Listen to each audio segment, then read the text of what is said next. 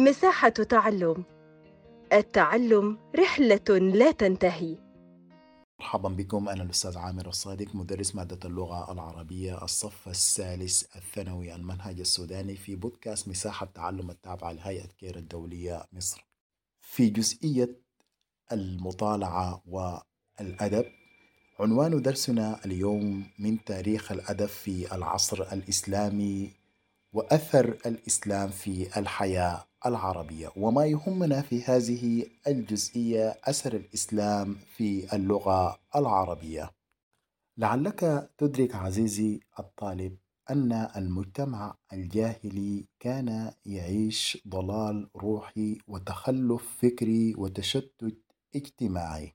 ولعلك تدرك أيضا أن الإسلام استطاع أن ينقل هذا المجتمع في فترة قصيرة جدا نقلة نوعية لم تحدث في أي تاريخ من تاريخ الأمم.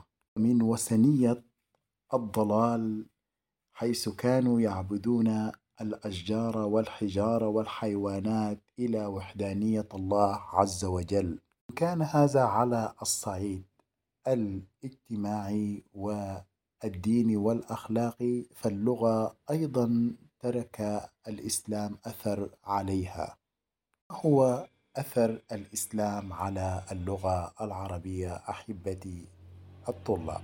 عليك أن تتذكر جيدا أن اللغة العربية كانت محصورة في الجزيرة العربية لفترة طويلة قبل الإسلام ولم تمتد إلى الدول المجاورة لها.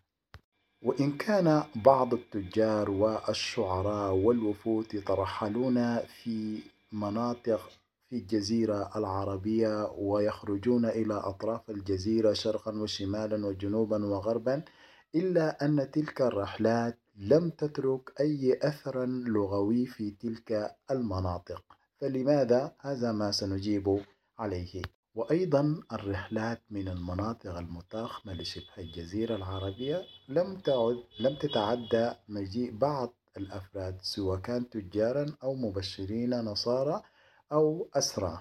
أيضا ما كانت هناك هجرات واسعة بعد هجرة اليهود إلى يثرب وشمال الحجاز. معنى أنه ما تركت أثر كبير في اللغة العربية إلا بعض الكلمات الغليلة اللي تسربت للغة العربية من الفارسية أو الرومية أو الحبشية. جميل في الأمر إنه كل الكلمات التي تسربت آه، استطاع العرب إنه يصبوها في غوالب وغوانين الصرف العربية والصوتية وسموها بالمعرب.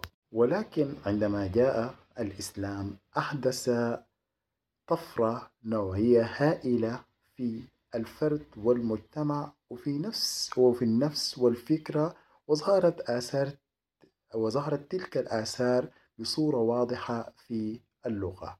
إذا نحن اليوم بصدد أن ندرس أثر الإسلام في اللغة العربية والذي يمكن أن نلخصه في نقاط مبدئية وهو عالمية اللغة وخلودها وتوحيد اللهجات العربية. أولا العالمية.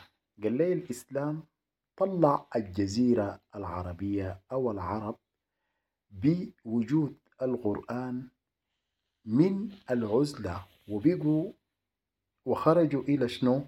مناطق عربية أخرى أو خرجوا به إلى المناطق المجاورة وحملوا معهم بكل تأكيد أدبهم وحكمهم وأمثالهم وخطبهم.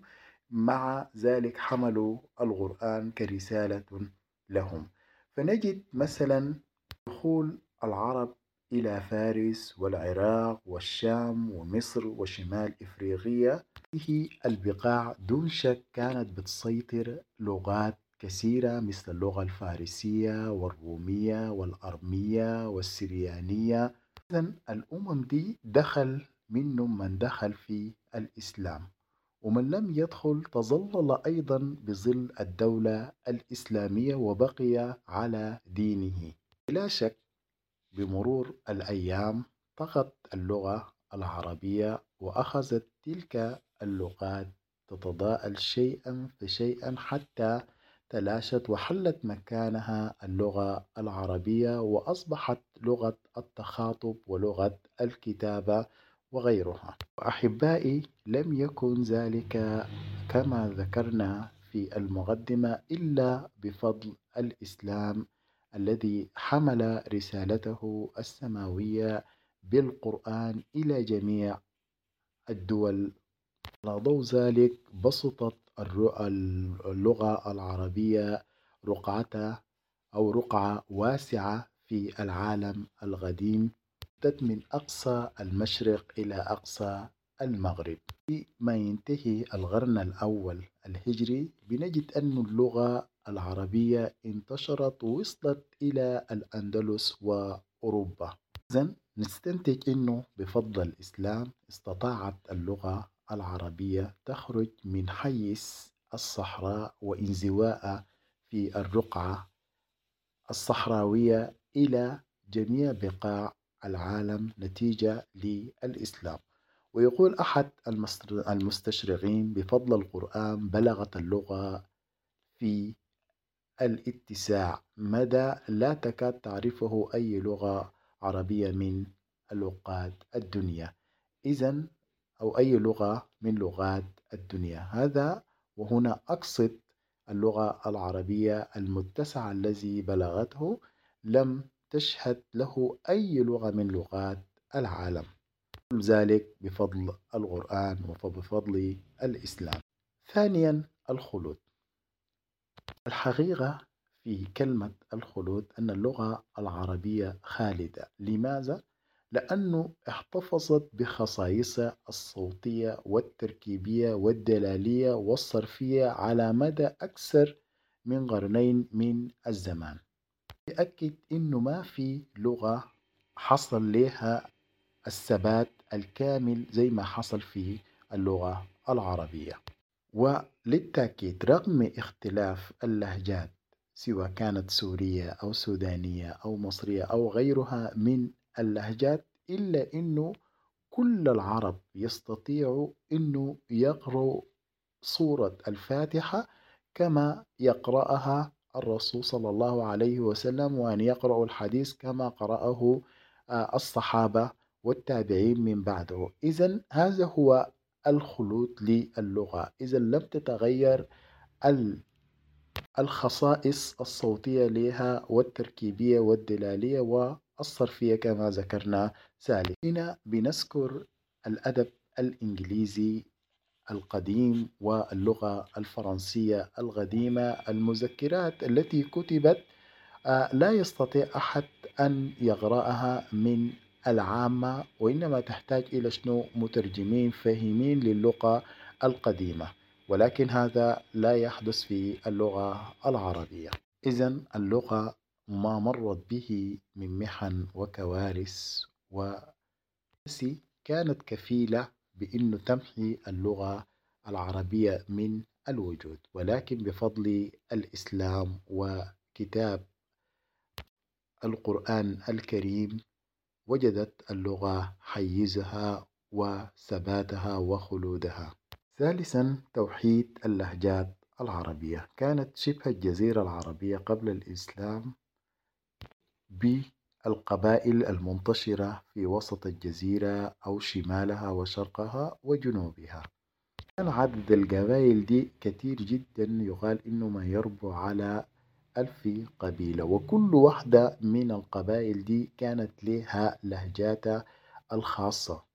إنه كل قبيلة أو مجموعة سكانية معينة كانت عندها لهجاتها الخاصة بها لكن في بعض العوامل أدت إلى توحيد لهجات القبائل العربية قبل الإسلام ومن هذه العوامل الحج والأسواق.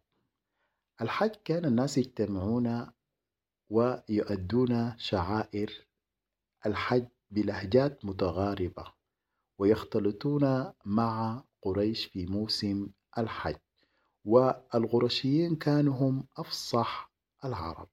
وأسهل اللغات اللهجات العربية. وكانت أيضا الأسواق المنتشرة في الجزيرة العربية يجوا الناس من كل حد وصوب يبحثون ويشترون ويتبادلون المنافع وينشدون الأشعار والخطب يفدون الأسرى والتأكيد كل الشعراء والخطباء كانوا يتكلمون بلهجة مشتركة.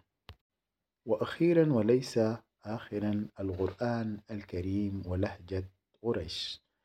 يعتبر القرآن الكريم أكبر العوامل التي أثرت في اللغة العربية وقد نزل القرآن بلهجة قريش التي هي أرقى اللهجات العربية وأفصحها لأنها لغة سهلة وواضحة ولأن قريش كانت تتخير من اللغات من لغات الوافدين على اسم الحج أحلاها وأعزبها جرسا. الجميل في الأمر اجتمع المسلمين جميعهم في كل أنحاء الدنيا على تلاوة القرآن الكريم باللغة العربية وإن لم يتحدثوا اللغة العربية. وهذا هو سر خلود اللغة العربية أحبتي الطلاب. هنا استودعكم الله الذي لا تضيع ودائعه إلى اللقاء في حصة قادمة.